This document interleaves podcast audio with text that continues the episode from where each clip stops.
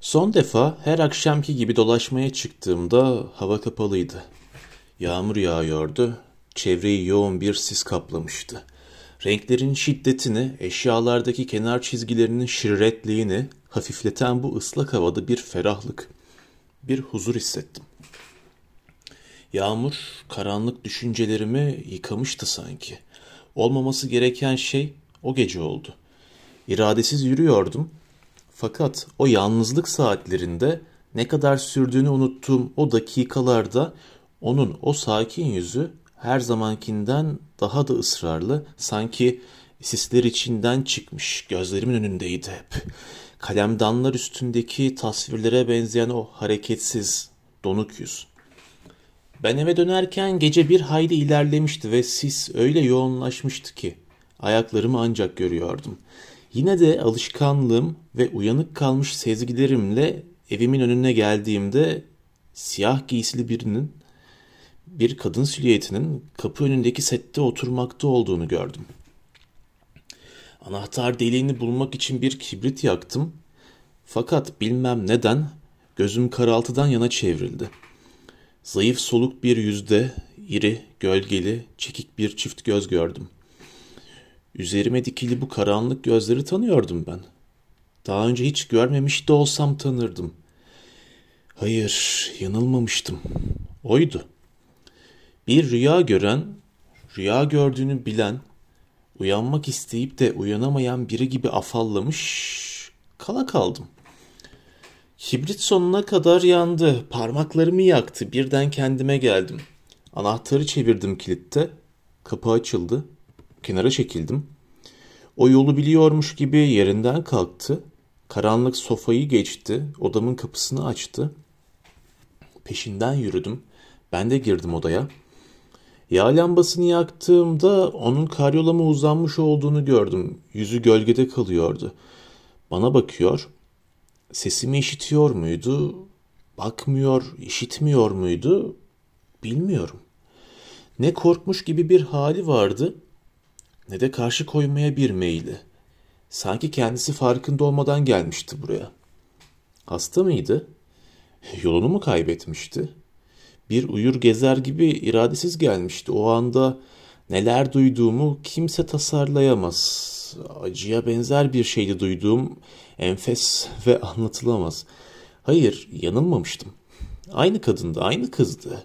Hiç şaşkınlık göstermeden, tek söz söylemeden odama gelmişti. İlk karşılaşmamız böyle olacak diye tasarlamıştım hep. Sanki çok derin bir uykuya gömülmüştüm. Ve böyle bir rüya görebilmek için de gerçekten derin bir uykuya dalmış olmak gerekirdi.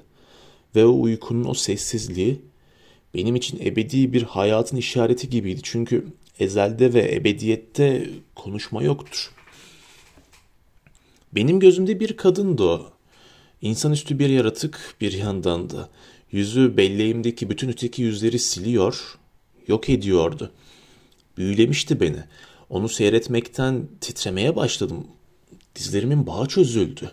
Birden gözlerinde onun o sonsuz iri gözlerinde bir gözyaşı selinde siyah elmaslar gibi yüzen ıslak, ışıl ışıl gözlerinde hayatımın bütün ıstıraplı macerasının kayıp gittiğini gördüm.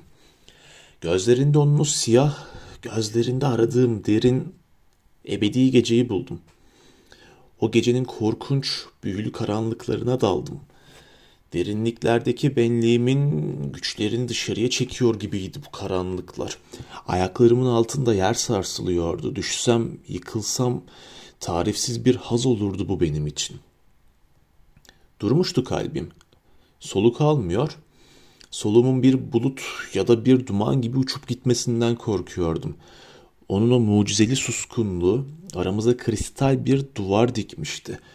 Bu anda, bu saatte, bu ebediyette boğuluyordum. Yorgun gözleri yavaş yavaş kapanıyordu. Bakmaya kimselerin dayanamayacağı doğaüstü bir şey görmüştü sanki. Bu gözler ölümü görmüş gibiydiler. Kirpikler bitişiyor, kapanıyordu. Bense boğulmaktan kıl payı kurtulmuş birine benziyordum. Can çekişmenin dehşetinden sonra yine su yüzüne çıkmıştım. Titremeye başladım.'' Ateş basmıştı ondan titriyordum. Alnımdan boşanan teri ceketimin yenine sildim. Yüzü aynı sükuneti, aynı hareketsizliği sürdürüyor fakat daha solgun, daha gevşemiş görünüyordu. Yatıyordu hala, sol elinin işaret parmağının tırnağını emiyordu. İnce siyah entarisinden bacaklarının, kollarının, göğsünün, bütün vücudunun çizgileri seçiliyordu. Gözleri kapalı olduğundan onu daha iyi seyredebilmek için üzerine eğildim. Ama yüzünü inceledikçe benden büsbütün uzaklaşır gibiydi. Birden kalbindeki sırlardan hiçbirini bilmediğimi, aramızda hiçbir bağ bulunmadığını hissettim. Konuşmak istedim. Korktum. Hassas kulakları uzak, göksel, tatlı bir musikiye alışıktılar. Sesimden nefret edebilirlerdi. Aklıma geldi. Aç ya da susuz olabilirdi. Ona bir şeyler getirmeye küçük odaya gittim. Gerçi evde hiçbir şey olmadığını biliyordum ama içime doğdu sanki. Duvarda rafta babamdan kalma bir şişe eski şarap vardı. Tabureye çıktım. Şişeyi indirdim. Parmak uçlarıma basa basa karyolaya yaklaştım. Bir çocuk gibi uyuyordu. Derin uykulardaydı. Uzun kirpikleri ibrişimler gibi birbirine kavuşmuştu. Şişenin mantarını çıkardım. Kilitli dişleri arasından yavaş yavaş ağzına bir yudum şarap akıttım. Ömrümde ilk kez ansızın içimde bir ferahlık hissettim. Kapalı gözlerini seyrederken beni kemiren çıban, demirden pençeleri, pençeleriyle etimi didikleyen ifrit sükunet bulmuştu. Sandalyemi getirdim. Karyolanın yanına koydum, gözlerimi dikmiş, ona bakıyordum. Çocuksu bir yüz, garip bir ifade. Ya mümkün müydü bu kadının, bu kızın, bu azap meleğinin ona ne ad vereceğimi bilemiyordum. Bunca sükunetine, bunca tabiiliğine rağmen öyle ikili bir hayat olsun. Mümkün müydü? Şimdi vücudunun sıcaklığını hissedebiliyor, gür siyah saçlarının nemli kokusunu içime çekiyordum. Bilmem neden titreyen elimi artık söz geçiremediğim bu eli kaldırdım ve hep şakaklarına yapışık zülüflerini okşadım. Parmaklarımı gömdüm saçlarına. Soğuktu. Nemliydi saçları. Soğuk. Çok soğuk. Sanki günlerdir ölüydü bu kız. Hiç şüphe yok. Ölmüştü. Elimi yakasından koynuna soktum. Memelerine, kalbine koydum. Bir kıpırtı duyulmuyordu. Bir ayna aldım. Ağzına tuttum. Yoktu en ufak bir hayat belirtisi. Onu kendi tenimin sıcaklığıyla ısıtmak istedim. Ona kendi sıcaklığımı verip ölümün soğukluğunu ondan almak istedim. Ola ki ona kendi ruhumu üflerim diye soyundum, yanına uzandım. Adam otu kökleri gibi dişi erkek bitişiktik birbirimize. Zaten erkeğinin ayrı düşmüş dişi bir adam otunu andırıyordu vücudu ve tıpkı adam otu gibi yakıcı bir aşkla yanıyordu. Ağzı bir salatalığın içi gibi buruk ve serinletici. Bütün teni buz gibiydi. Damarlarındaki kan dondu. Bu soğuklukta kalbime işledi. Boşunaydı bütün çabalarım. Karyoladan indim, giyindim. Hayır, yalan değil. İşte odama, yatağıma gelmiş. Vücudunu bana teslim etmiş, tenini ve ruhunu. İkisini de bana vermişti. Canlıyken gözleri hayatla doluyken gözlerini düşünmek bir işkence olmuştu bana. Ama şimdi hissiz, hareketsiz, soğuk ve gözleri kapalı gelmiş, kendini bana vermiş, teslim etmişti. Gözleri kapalı. Oydu bütün hayatımı zehirlere bulayan. Hayır, hayatım ta baştan zehirlere bulanmıştı benim. Ben başka türlüsünü değil, ancak zehirlenmiş bir hayatı yaşayabilirdim. Şimdi o burada benim odamda gövdesini ve gölgesini bana vermişti. Bu yeryüzünde yaşayanların dünyasıyla hiçbir bağlantısı olmayan uçucu, sırça, rakik ruhu kıvrımlı elbisesinden ona işkence eden gövdesinden yavaşça çıkmış, başıboş gölgeler dünyasına gitmiş, sanki benim gölgemi de beraber götürmüştü. Ama gövdesi, hissiz, hareketsiz burada kalmıştı. Yumuşak kasları, sinirleri, damar ve kemikleri çürümeyi bekliyor. Yer altındaki kurtlara, farelere lezzetli yiyecekler hazırlıyordu. Ve ben mihnet ve meskenet dolu bu fakir odada bir mezarı andıran bu odada beni saran ve duvarların içine kadar nüfuz eden sonsuz gecenin karanlıklarında uzun karanlık, soğuk sonsuz bir gece geçirmek zorundaydım. Bir ölünün yanında onun ölüsüyle birlikte bir gece ve birden düşündüm ki dünya dünya olalı, ben var oldum olalı, soğuk, hissiz, hareketsiz bir ölü, karanlık odada hep yanımdaydı benim. Dondu o anda düşüncelerim. İçimde acayip bir hayat oluşuyordu. Varlığım çevremdeki bütün varlıklarla etrafımda kımıldaşan bütün gölgelerle bir bağlantı kurmuştu. Ta derinden çözülemez bir biçimde dünya ile birleşmiş, varlıkların ve tabiatın ahengine katılmıştım. Benimle tabiatın bütün unsurları arasında görülmez tellerle bir ıstırap akımı başlamıştı. Hiçbir fikir ve hayal bana gayri tabi gelmiyordu. Eski minyatürlerdeki rumuzları kolaylıkla çözebilir, çetin felsefe kitaplarındaki sırlara, biçim ve türlerdeki ezeli aptallıklara erişebilirdim. Çünkü o anda yeryüzünün, gökyüzünün dönüşüne, bitkilerin büyümelerine, canlıların devinimlerine katılmıştım. Ortaktım onlara. Geçmiş, gelecek, yakın, uzak, his hayatımla eş ve ortak olmuşlardı. Böyle durumlarda herkes güçlü bir alışkanlığa, bir tutkuya sığınır. Ay yaş içer, edebiyatçı, yazar, yontucu taşı yontar, acısını dindirmek için her biri en kuvvetli içgüdüsünden medet umar ve gerçek sanatçı kendi bağrından şaheserler yaratır. Ama ben ki zevksiz ve bir çare biriyim, kalemdanlar boyayan bir ressam parçası. Ben ne yapabilirim? Hepsi birbirinin kopyası tatsız, ruhsuz resimler boyayan ben şaheser olarak ne çizebilirdim? Fakat bir coşkuya kaptırmıştım kendimi ve içimde kavurucu bir sıcaklık hissediyordum. Bambaşka bir uyanma ve çağıltıydı bu. Ebediyen kapanmış bu gözleri kağıda geçirmek, kendim için saklamak istiyordum. Bu dürtüye karşı koyamadım. Elimde değildi. Bu tasarıyı gerçekleştirmemek olmazdı. Hele insan bir ölüyle kapalı kalmışsa. Bu düşünce bende bambaşka bir sevinç yarattı. Sonra is yapan lambayı söndürdüm. İki şamdan getirdim. Sağlı sollu başucuna koydum ve yaktım şamdanları. Mumların titrek ışığında yüzü daha sakinleşti. Odanın parlak gölgelerinde esrarlı esiri bir hal aldı. Kağıt ve gerekli şeyler getirdim yatağına yaklaştım. Çünkü artık onundu bu yatak. Yavaş yavaş parça parça çürümeye, yok olmaya mahkum bu yüzün, görünüşte hareketsiz değişmez görünen bu yüzün, sessiz sakin baka baka resmini yapmak. Bu yüzün beni etkilemiş hatlarını seçip kağıda aktarmak istiyordum.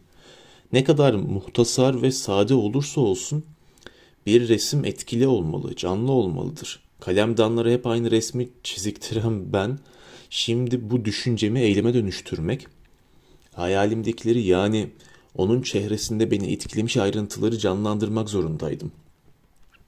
Yüzüne bakmalı, sonra gözlerimi kapayıp o yüzden seçeceğim hatları kağıda geçirmeliydim. İşkencedeki ruhuma böyle bir deva, bir afyon bulurdum belki. Yüzündeki hatların ve şekillerin hareketsiz hayatına sığınmıştım. Cesede bakarak çizdim. Bir cansız nesne ressamın işiydi tam ve ben öyle bir ressamdım. Fakat gözlerini, kapalı gözlerini bir kez daha görmek gerekir miydi? Onlar zihnimde yeterince yer etmemişler miydi? Bilmiyorum. Sabaha kadar birçok taslak çizdim ama hiçbiri gönlümce olmadı. Peş peşe yırttım hepsini. Ya işimden usanç duyuyor ya da vaktin nasıl geçtiğini hissedemiyordum.'' Ortalık aydınlanıyor, pencere camlarından odama bulanık bir ışık sızıyordu. Bir taslak üzerinde çalışıyordum. Bence hepsinden daha iyi olmuştu bu. Fakat gözleri... O gözleri ki sitemliydiler. Sanki bağışlanmaz günahlarımdan ötürü beni kınıyorlardı. O gözleri kağıda geçiremiyordum. Ya onların olanca canlılığı, olanca hatırası belleğimden silinip gitmişti. Boşunaydı çabalarım. Yüzüne ne kadar bakarsam bakayım, onlardaki o hali Hatırlayamıyordum. Ansızın yanaklarının hafifçe kızardığını gördüm. Ya, kasap dükkanındaki etlerin renginde bir kızardı. Canlanıyordu. Gözleri iri iri açıldı. Şaşkın, şaşırmış bakıyordu. O gözler ki içlerinde hayatın parıltısı toplanmıştı. Hastalıklı bir aydınlıkla ışıldıyorlardı. O sitem dolu, yorgun gözleri açıldı. Şaşkın şaşkın yüzüme baktı. İlk defadır ki varlığımın farkına varmış, bana bakmıştı. Gerçi bir an sürdü. Ama gözlerindeki haleti yakalayıp kağıda geçirmem için yetti bu bana. Fırçanın ucuyla tespit ettiğim taslağı da yırtmadım bu sefer. Sonra yerimden kalktım. Yavaşça yanına gittim. Meğer ölmemiş. Dirildi işte diye düşünüyor, gövdesine aşkımın can verdiğini sanıyordum. Fakat yanına vardığımda bir ceset kokusu duydum. Bir çürüme kokusu. Üzerinde küçük küçük kurtlar kıpırdaşıyor ve mum ışığında iki Mayıs böceği gövdesi etrafında dolanıyordu. Ölüydü de ne için açılmıştı gözleri? Bilmiyorum. Acaba rüya mı görmüştüm yoksa gerçek mi? İstemem hiç kimse sormasın buna. Fakat yüzü önemliydi hayır gözleri. Şimdi gözleri elimdeydi benim. Gözlerindeki ruhu kağıda geçirmiştim. Artık gövdesi ilgilendirmezdi beni. O gövdeki yok olmaya mahkumdur ve yerin altında kurtların, farelerin yiyeceği olacaktır. Bundan böyle benim iradem altımdaydı. Ben ona bağlı değildim artık. Ne zaman istersem gözlerini görebilirdim. Sakınarak, kollayarak aldım resmi. Paralarımı koyduğum teneke kutuya yerleştirdim. Küçük odaya sakladım kutuyu. Parmak uçlarına basa basa çekilip gidiyordu gece. Sanki yorgunluk çıkarmıştı, kanaatkardı. Bu kadarı yeterdi ona. Uzak, hafif sesler duyuluyordu. Bir göçmen kuş rüya görüyordu belki. Belki bitkiler büyüyordu. Solgun yıldızlar bulut kümeleri gerisinde kayboluyordu. Yüzümde sabahın yumuşak soluğunu hissediyordum ve horoz sesleri yükseldi uzaklardan. Ben bu ölüyü ne yapacaktım? Çürümeye başlamış bu cesedi önce odamda gömmeyi düşündüm. Sonra alıp götürmek geldi aklıma. Götürüp bir kuyuya, etrafında mavi gündüz sefaları olan bir kuyuya atmak geldi. Ama bu işi kimse görmeden yapmak az düşünce, az zahmet, az ustalık mı isterdi? Hem sonra ona yabancı bir göz değsin istemiyordum. Her şeyi kendi elimle ve yalnızlıkta yapmam gerekiyordu. Olmaz olsun, o ölmüş. Ben sağ kalmışım. Neye yarar? Ama o asla hiçbir zaman rastgele bir insan değildi. Benden başka hiç kimse görmemeliydi onun ölüsünü. O bana bir başkası tarafından görülmek, yabancı bir bakışla kirletilmek için gelmemiş soğuk gövdesini ve gölgesini bunun için teslim etmemişti. Derken aklıma geldi. Cesedi parçalar, parçaları bavuluma, şu benim eski bavula koyar götürür, uzaklara gözlerden çok uzak bir yere gömerim. Bu kez tereddüt etmedim. Küçük odadaki kemik saplı bıçağı aldım Önce büyük bir dikkatle vücudunu bir örümcek ağı gibi hapsetmiş ince, siyah entariyi üstündeki tek giysiyi uzunlamasına kestim. Uzamıştı adeta gözüme eskisinden daha boylu göründü. Sonra başını kestim. Birkaç damla soğuk pıhtılaşmış kan sızdı gırtlağından. Sonra kollarını, bacaklarını kestim. Gövdeyi, kol bacakları düzgün ve tertipli bavula koydum. Entarisini o siyah entariyi yüzüne örttüm. Bavulu kapattım, kilitledim. Anahtarı cebime koydum. Hepsi bitince rahat bir nefes aldım. Kaldırdım bavulu şöyle bir tarttım. Ağırdı, taş gibi ağırdı. Ömrümde hiç bu kadar yorulmamıştım. Hayır, ben bu bavulu tek başıma taşıyamazdım. Hava yeniden kapanmıştı Hafiften yağmur başlamıştı. Benimle gelecek, bavul taşıyacak birini bulmak ümidiyle odamdan çıktım. Yakınlarda tek bir insan yoktu. Epeyce ileride sisler içinde kambur bir ihtiyar gördüm. Bir servi dibinde oturuyordu. Geniş bir şalla örtülü yüzü görülmüyordu. Yavaşça yanına gittim. Daha ben söze başlamadan kuru, sinir bir kahkaha attı ihtiyar. Tüylerim diken diken oldu.